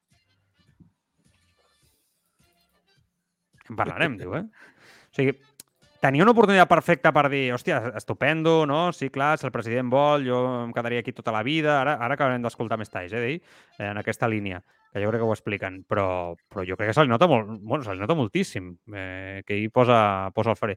Avísame, eh, Carlos? Eh, despedim, despedim ja, si voleu, a, la, a través de la FM. Ens quedem Tenemos un par de minutillos aún, si quieres. Sí, un par de minutets. Va, doncs aguantem una miqueta més. Eh, Truco, la teva opinió sobre aquestes declaracions eh, de, de Xavi? Posa el fre o no? És molt exagerat dir que, dir que dubta o que, o que No, no. simplement... No, no, jo crec que... Va, Posa el fre, eh? O sigui, podem tornar a eh? veure, si voleu, eh? Però... Posa el fre. Vale, vale. sí, no, no. d'algu- d'alguna manera, eh, amb aquell somriure de... Deixa't estar. Vull dir, jo crec que com a mínim té una cosa clara. Si no hi ha resultats, la continuïtat per una part o per l'altra... No, ya lanzó ese órdago en su, en su momento, ¿no? En el mes de octubre, cuando, cuando se le preguntó, entiendo que está siendo consecuente con sus propias palabras, pero bueno, también podía haber sido un poco más amable, ¿no? Y recoger el guante con más. Sí, ha sido bastante cortante, ¿no? La, la respuesta de. O sea, al final, un poco son las tornas cambiadas. Lo normal es que Chávez dijera, yo encantado de seguir, yo encantado de renovar, si el club me quiera, y la porta dijera, primero resultados, ¿no? Jo crec que és normal. I, i ara, acabant d'escoltar Xavi, eh, encara ho, encara serà més normal no? en, aquest, eh, en aquest aspecte, perquè ara veureu eh, en el que segueix dient eh, que s'explica que hi ha una part molt bona de centre del Barça, però que hi ha una part dura, complicada i difícil. Uh, us deixem amb la Champions, abandonem els oients de la FM, eh, seguim acabant d'escoltar Xavi explicant una coseta a Mateu Alemany aquí al Tribuna, al Tribuna Marca.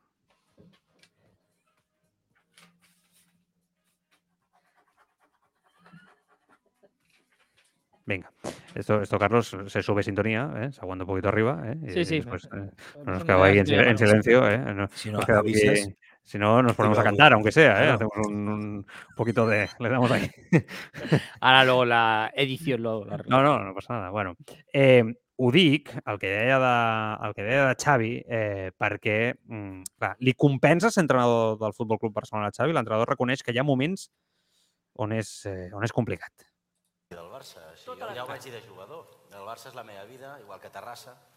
Jo estaria tot el dia, però al final, al final depèn de, depèn de resultats. De la mateixa manera que ells, ara ho pensava, no? Parlant, quan parlaven ells, que es queixen del, del reconeixement, no? de dir, ostres, no tenim reconeixement.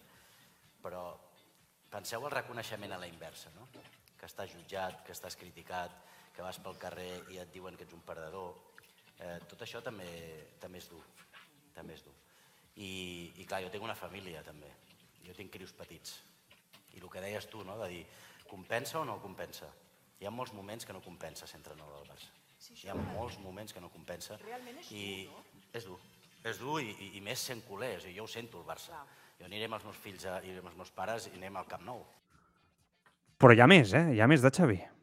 És jo. Jo tinc la vida organitzada, muntada, no necessito reconeixement, per sort no necessito res a nivell econòmic, i a vegades ho penso, dic, compensa això? Però sóc molt del Barça. Jo, sincerament, eh, eh, jo no havia escoltat mai a un entrenador del Barça en actiu en la seva pràcticament primera temporada fer un exercici de sinceritat i d'humanitat no? tan sincer i tan clar com el que acabem d'escoltar eh, a aquest nivell. I jo, lo, jo ho agraeixo, ho agraeixo. Jo, jo sé que aquestes declaracions a molts eh, culers els, han, els ha sentat malament, perquè diu, home, sembla que, estigui, que no estigui agraït no, de- d'entrenar al Barça eh, i que no, no ho desitgi prou. Jo, sincerament, no puc entendre aquest argument. Us ho dic amb tot el màxim respecte, perquè eh, crec que és humà realment el que, el que diu i nosaltres intentem ser conseqüents amb un, amb un discurs que sempre apliquem aquí també. No? El Barça té un entorn ferotge, ferotge, que et fa patir d'una manera brutal eh, si ets eh, professional. Que et paguen molts diners per treballar al Barça? També és veritat, això és cert. I en el sou va aquest, eh, aquest patiment. Però que també és molt lícit una persona com Xavi, com diu, reconeixement per a tota la seva vida, un dels millors jugadors de la història del futbol, que ho ha guanyat tot, recupera el Barça, no? el posa allà al lloc, eh, soc molt culer i mira, escolta, m'hi quedo al club, eh, a la Masia, ajudant a no sé què, però a mi em treus del primer de la primera esfera mediàtica i de la pressió, perquè estic cansat de que el meu nano vingui al col·le em diuen que ets un tonto i un pallasso, a l'escola no, no ets bon entrenador. Però com a pare, això ha de ser molt desagradable d'haver-t'ho d'escoltar, no? En aquest sentit i en aquest aspecte. I que a la vida hi ha moments que tu compenses. O sigui, eh, que tu preguntes per tot si compensa, no, no sé ni parlar ja. Eh, i jo valoro molt i agraeixo, li agraeixo a Xavi que, que ens parli amb aquesta sinceritat, Marc. És que ho trobo completament normal el que diu l'entrenador del Futbol Club Barcelona. Eh, clar, ara, aquí hi ha un altre comentari, no? Veus, el Togromi, que diu què se pensava? Que iba a entrenar al Terrassa? Clar, és l'altra manera de veure-ho, no? L'altre cantó, no? De dir... No, doncs jo, cre no, jo crec que no, que estàs equivocat, tu, Gromi. És a dir, eh, No, una però, cosa també, no... Però, però, però compte, no. aquest punt de vista també és interessant, eh? O sigui, tu No. saps per quin Jo crec que és erroni. i signes. Ja, saps que i què? al Barça, saps perfectament que hi haurà una pressió, eh, una pressió desmesurada Sí. i que t'exposaràs Sí. al càrrec. Això també és veritat, això s'ha Sí. de reconèixer. I, sí, I a mi sí que em transmet una mica, Xavi, de, de que s'ha sorprès una mica d'aquest punt, no? De, de que... I ell és No. coneixedor perfectament del que implica. Jo no, jo no crec que s'hagi jo no crec que s'hagi sorprès. Jo crec que ho, està, que ho està vivint. És a dir, tu pots saber com és una cosa, però quan la, veu, quan la vius tu directament i estàs tu a l'ull de l'huracà i, i ho estàs rebent i ho estàs patint dia a dia, és quan t'afecta, de veritat. És a dir, tu pots saber, eh, sé que aquesta feina serà dura, perquè sé que és treballar tot el dia i sé que et criticaran. I a més a més, jo he estat en l'entorn, he estat jugador, he viscut tal, da, da, da. però una cosa és saber-ho, saber com funciona el club, i l'altra cosa és, és, tu, és estar tu allà. Eh, ell ha vingut al club? Sí. Sí. Ha estat En treballant un moment difícil, eh? També t'ho en dic. un moment difícil Clar, això s'ha de reconèixer. i, i, i posa totes les seves arts i sabers per intentar fer el millor que pot fer-ho? Jo crec que sí, jo crec que sí. S'equivoqui més o s'equivoqui menys. És un tio del club, per tant, no només ho viu i ho pateix com a professional, sinó com, sinó com a culer també, perquè aquest és un altre. Hi ha entrenadors que venen aquí i mira, up, saps què vull dir? Se'ls, eh, ho poden passar millor o pitjor perquè Però la vaig feina cap a casa, és... faig els meus dos anys i, i ja està. vingués Jurgen Hòstia. Klopp, no? Ring, fa, Exacte. triomfo o no triomfo, me'n vaig a un altre club i segueixo. Correcte. Però encara així em sembla que el Barça et posa en una situació de pressió màxima, eh? Que sí, que sí, que sí, que sí. Però, però són, com, de, com diem tots, són professionals, cobren un pastón i... i Sí, però bueno, la, els doncs, diners no ho són tota la vida. O sigui, i, i jo entenc que quan, a més, tens tants diners, la part humana passa pel davant. És que és lògic, que, perquè la necessitat no la tens de la mateixa manera. Estem d'acord, no, tots, en això? Vull dir Sí, que sí, no, no, no, per tant, jo, jo agraeixo, sincerament, que hi hagi gent que em parli d'aquesta manera tan sincera, no sé, eh, tan, Clar. tan honesta. Ara, sí. ara, que No. ens deixa veure que Xavi no està convençut del tot de ser entrenador del Barça o no, això? No, yo creo que no, yo creo que no, porque al final dice, Pregunto, "Soy- ¿eh? soy del Barça, ¿no? Pero entiendo que, que él hace, Es yo que creo que él lo que intenta explicar, intenta ser sincero, intenta hacer un ejercicio de sinceridad, pero es verdad que, bueno, pues hay gente, ¿no? Que, que a lo mejor que no le guste tanto Xavi como entrenador, no digo como, como figura, evidentemente, en el fútbol, sino como entrenador, que, que pueda haber a cierta arrogancia o cierta, no sé, algo en, su- en sus palabras, pero yo creo que no es ni mucho menos lo que él quiere proyectar, ¿no? De, bueno, estoy aquí, pero si no estoy aquí tampoco es el fin del mundo, tengo una familia. Yo creo que para él, eh, al contrario, ¿no? Le está diciendo que está haciendo sacrificios muy grandes, ¿no? Por estar en el Barça a nivel personal y que, y que vale la pena porque es muy del Barça, no más allá de cualquier, de cualquier cosa. Y fíjate que incluso la respuesta, la primer corte que hemos escuchado, con lo que tenía que ver con su renovación, mm, él, que también puede sonar arrogante, yo creo que intenta ser humilde, al contrario, ¿no? Decir, Mm. serán los, los resultados los que me juzguen, yo sé dónde estoy y sé que hoy la gente quiere que renueve y mañana me quieren echar, ¿no? Entonces, con calma. Interessant. Hi ha un últim tall, eh? Que li preguntes si gaudeix o no gaudeix com a entrenador del Barça.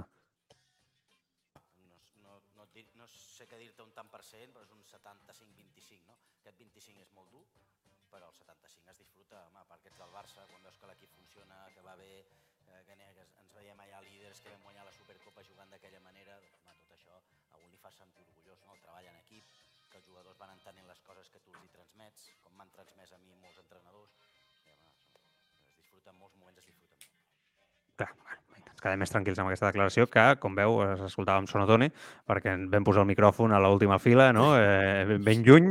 Eh, Eh, perquè- ric, eh? Iban no, poniendo el, el micrófono cada vez más atrás. en cada Mare corte, de Déu. ha, ha ido de forma gradual.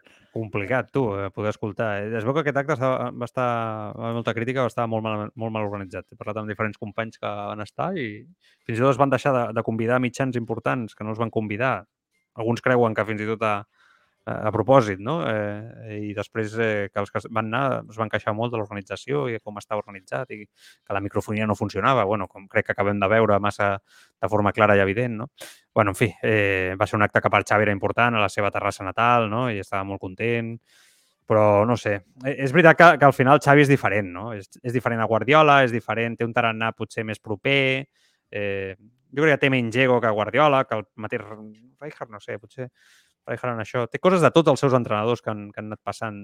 Però a mi és una persona que, humanament, em sembla que és dels que està més a dalt. I jo crec que el Barça és molt important que, que s'humanitzi, perquè, joder, acabem de parlar durant 45 minuts de, del que està passant al futbol espanyol, no? de, del tipus de personatges que dirigeixen els, els clubs, les institucions, etc. O sigui, a mi em dona amb Xavis. Una altra cosa és que ell pugui en un moment determinat ser molt sincer, massa sincer públicament i expressi el que acabem de dir d'una forma clara i evident i que, i que això ens pugui fer pensar, mira, cadascú tindrà el seu punt de vista, no? de que Xavi doncs, en un moment determinat pot patir més o menys a la banqueta del Barça i que potser no li compensa. Potser Xavi diu, mira, jo et faig els dos anys de contracte i me'n vaig cap a casa i és molt lícit i jo l'aplaudiré i li agrairé sincerament. I ja el trobarem a faltar, perquè no hi ha tants entrenadors com Xavi, ja t'ho dic. Eh, eh, sí, ja t'ho dic ara. Potser en el coneixement encara d'aprendre, però en la gestió i coneixement del club no n'hi ha tants. I el Barça ha millorat molt amb ell a la banqueta. El que tinc molt clar és que, mira, no, no ho sabia, eh, però jo fa molts anys que creixo, eh, segueixo creixent, eh, d'això sembla que tingui 16 anys, però bueno, ja m'enteneu, eh, visc, millor dit, pensant que el Barça pugui tenir un Ferguson. De, de fa molts anys, sempre ho he pensat. Crec que el Barça és un club que li aniria molt bé tenir una institució com el Xolo Simeone a l'Atlético de Madrid, no? que passen els anys i segueix allà. O sigui, i Guardiola per mi era aquell home, era aquell home, però no ho aconsegueix amb Guardiola, cremat, no ho aconsegueix amb Luis Enrique cremat, a Rijkaard eh, el fan fora també, però potser no era el millor perfil, amb Cruyff no ho van aconseguir. I ara veia Xavi i dic, bueno, doncs mira, si a nivell de joc la cosa millora i tal, potser pot ser, pot ser aquesta figura, no? Perquè ell potser, doncs, el ser més home de club, vol, vol estar aquí tota la vida. bueno, doncs després d'escoltar-lo ja avui, ja començo a pensar, eh, nois, que mm, a Xavi li passarà el mateix que als altres. Que ja ha vist, un cop ha estat a la banqueta del Barça, que això, 1, 2, 3, 4 anys com a molt i m'aniré a jugar amb els meus fills, molt lícit, insisteixo, i, i només faltaria, no? Però que, que és impossible mantenir aquí un entrenador eh, en un temps, no? Eh, eh, de projecte i més enllà de regeneració de projecte, de dinastia, m'atreviria a dir, no? Una pena, una pena, una pena. Jo, eh, jo, jo crec que s'ha de valorar, jo, jo, valorar, jo valoro positivament, com deies tu abans, que sigui una persona eh, que, la, que la veig pel seu discurs, per Mm. com actua, eh, molt humil i molt humana. Sí, sí. Eh, és molt que- proper, Xavi. Crec, O crec que és un, és un, és un és un grandíssim, grandíssim valor. sí, Aleshores, a mi, raó món. hi ha alguns oients, no us ho prengueu malament, cadascú té la seva opinió, només faltaria, que diuen, ah, doncs, doncs no serveix, doncs amb el que paguen, amb, amb el que cobra, no sé què, és un privilegiat. Sí, està clar que És que Xavi... ell no, ell no es queixa, eh, d'això. Clar, no, no, no. Està clar que Xavi és un, privile és un privilegiat respecte a, a milers i milions S'ho ha guanyat també. ciutadans. Has Bueno, nascut amb sí, un sí. talent, un esforç, l'ha desenvolupat en una indústria Però- que genera molts diners i... i... Però que hi ha gent que, que també Pobre té talent i que no té la sort, per exemple, que potser ha tingut Xavi. Exacte. Ell ha donat el callo. Però, Hi ha gent però que té talents en indústries que no generen el que genera el futbol. Sí, sí. li ha quadrat, ha estat allà, ho- s'ho ha sabut fer i és un tio molt vàlid i ta, ta, ta, ta, ta. Però que tinguis una bona vida, diguem-ne, estable econòmicament i que tinguis una feina que t'agrada, eh, no vol dir que sigui fàcil, ni vol dir que en moments d'alta pressió ho passis bé. Jo crec que és el que està dient. I que que en un moment feina- determinat és molt lícit, Marc, poder Dir, dir, escolta, ho he provat, eh, clar. del Barça, l'he ajudat i a mi no em Exacte. compensa, tu, que vols que et digui? Exacte, Ara, la, ara, exacte. ara els meus 40, 41, eh, no 42, 42, ara m'hi perdo, 42 anys, eh, pues mira, em ve de gust estar amb la família i treballar amb el futbol, però amb una posició sense tanta pressió, perquè el, el futbol és la meva, pres, la meva passió, però Clar. no vull patir d'aquesta manera, no? Pues, escolta, és molt respectable. Només Clar. faltaria. Sí, sí. Crec, vaja, no sé. La, Sí, la yo gran creo que- oportunidad. Sí, sí, Marca, acaba, perdón. No, digues, digues, perdona. No, que para mí la gran oportunidad de tener un, guard- de un Ferguson era Guardiola, ¿no? Y creo que además, viendo sí. Cómo, cómo lo está haciendo en el City, Sí, porque Guardiola le va la marcha, le va la marcha, le va la marcha de estar ahí en, en esa... en- e, a, a él sí que le gusta. ¿eh? O sea, a él le gusta estar en el meollo mediático, entra, y más ahora en los últimos años se le ve mucho más maduro y mucho más tranquilo. En el City yo estoy coinc- coincido ahí, ¿no? Que se le ve... Y, y él sí que yo creo que podría haberlo, haberlo sido. Bueno, en fin, eh, No, el dia menys pensat et surt Xavi i et deixa aquestes declaracions. Sí. Però a mi, a mi perdoneu una cosa, em puc, em puc equivocar, eh? però no, no m'est- no m'estranyen. Però no m'estranyen perquè ja, ja vaig dir fa molt de temps, a, a la meitat de la temporada, que vaig veure un canvi amb Xavi. Sí. Jo, i jo amb, la primer, amb, la crítica, amb la crítica davant de l'eliminació a Champions i la derrota davant del Madrid. Allà Jo crec- Xavi va dir, voleu resultadisme? Resultadisme. Sin duda, sí, sí. no. Jo crec que allà va haver-hi un canvi. És la sensació que tinc. Allà va haver-hi un canvi de dir... Eh, toc, toca de peus a terra, Xavi, Sí, sí. és el Barça, està molt bé, està no sé quantos, però... El romanticisme, no? Va Prento, acabar, exacte, no? prento d'una altra manera perquè això és la, és la muerte. Jo, jo ja ho deia quan estava aquí, al, al, al, quan teníem allà a Mourinho i quan aquí estava eh, el Luis Enrique, que parlava molt del que passava a les rodes de premsa, no? perquè Mm. eren rodes de premsa no? amb, amb suquillo, amb moltes coses, no? Jo ja era dels que deia, home, s'han de saber comportar, han d'entendre la pressió, han d'entendre que és el que és els hi. Però jo sóc el primer que intento fer una, un, un esforç d'empatia, de dir, sí, tot això està molt bé, però si a qualsevol de nosaltres, encara que ens paguessin el oro i el moro, amb la passió amb la que fem la feina, clar, si tu vas a fer la feina com fas qual, qualsevol altra cosa, doncs te la pendula de dreta a esquerra. Però si tu t'hi poses al cor i cada pas que fas és qüestionat, analitzat, contraindicat, repreguntat cada dia, entra en el sou, sí, però perdoneu, no són màquines, eh, els humans. Acabaràs calp, canós i a casa... No, doncs, amb- com- com han acabat tots els entrenadors del Barça, no? Clar, clar, és que sembla que... No, això, doncs, ja vaig jo a fer-ho. Doncs vale, ves, ves tu. Ves. A, fer-ho. a, veure, a, veure, a veure què tal. Clar, clar, és que sembla que... Ara, aquí el que ha de ser sincer, Xavi, que és el que tu estaves dient abans, és si tu veus que la teva balança de prioritats Clar, es mou, has de has de ser sincer Sí, i, i actuar clar. en conseqüència. Sí, sí, Clar. per suposat. Per suposat. I que Xavi tindrà les portes obertes del Barça eternament. O sigui, si, diu, si ell en algun moment fa un pas al cantó i diu, mira, no em compensa, guanyo la Lliga, l'any vinent una altra, una altra Lliga i acaba el contracte i se'n va, Xavi tindrà lloc a la Masia fent el que calgui amb els nanos i vol estar al Barça, eh? Perquè també aquesta és una altra opció de dir, mira, jo vull entrenar pues, a Qatar, que estava molt bé, no? sense aquesta pressió. Pues, és molt lícit. Ara, el dia que tu ja no estiguis donant el 100%, aquell dia estàs traient el Barça.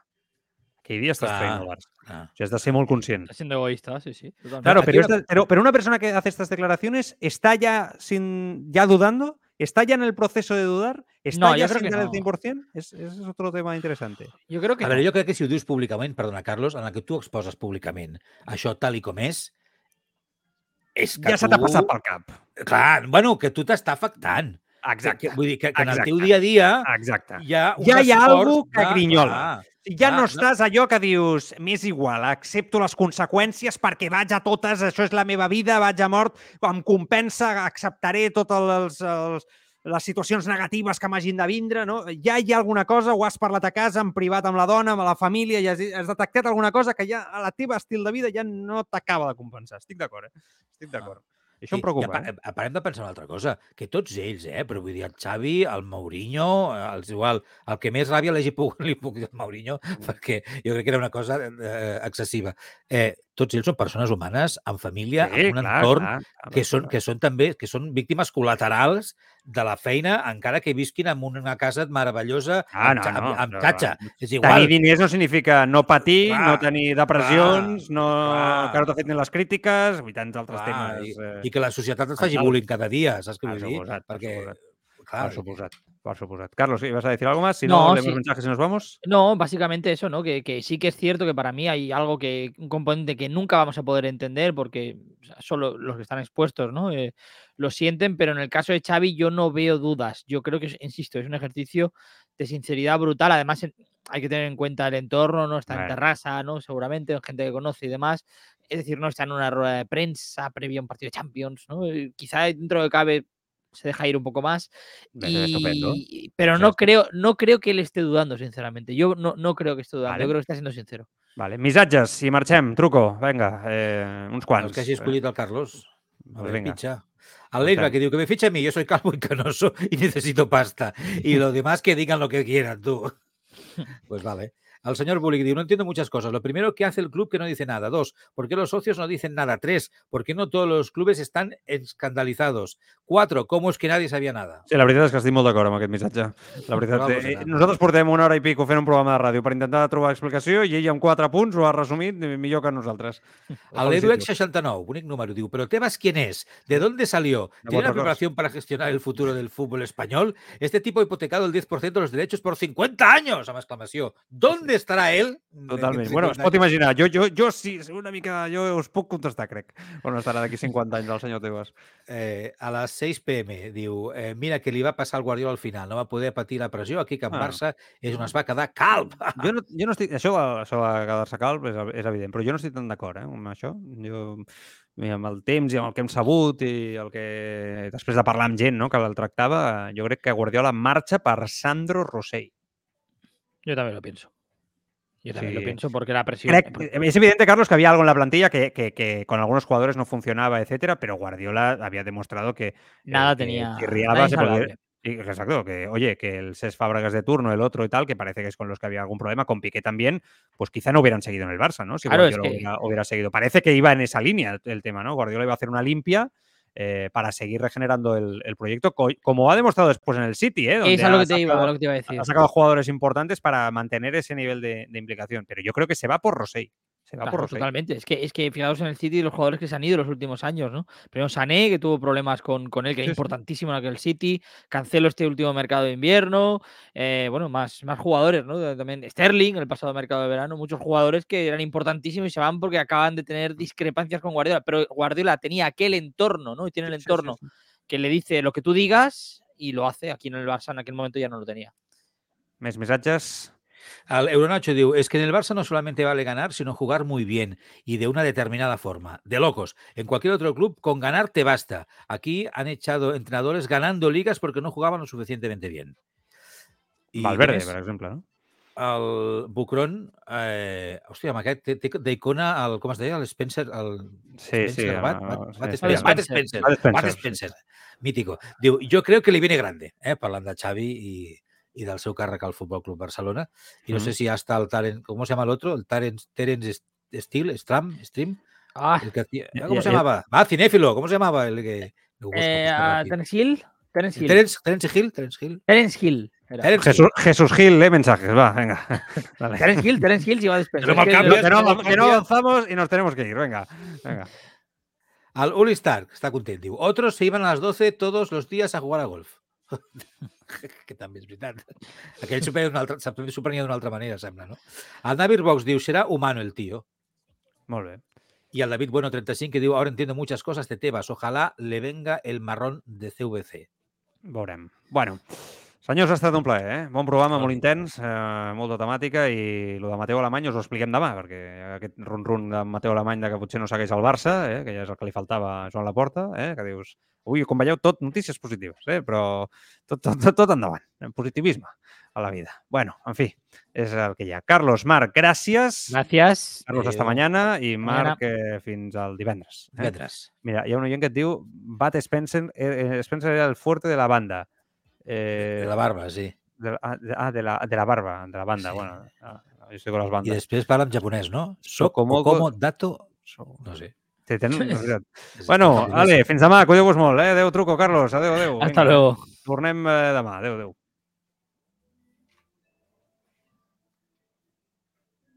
Son personas de confianza. Nos ponemos en sus manos. Salvan vidas. Pero a veces, algunos de ellos son asesinos. Upcast y el podcast Crímenes Ibéricos presentan el nuevo True Crime, Médicos Asesinos. Historias reales de profesionales de la medicina que se han convertido en criminales por voluntad o negligencia. Médicos Asesinos. Escúchalo ya en tu plataforma de podcasting preferida.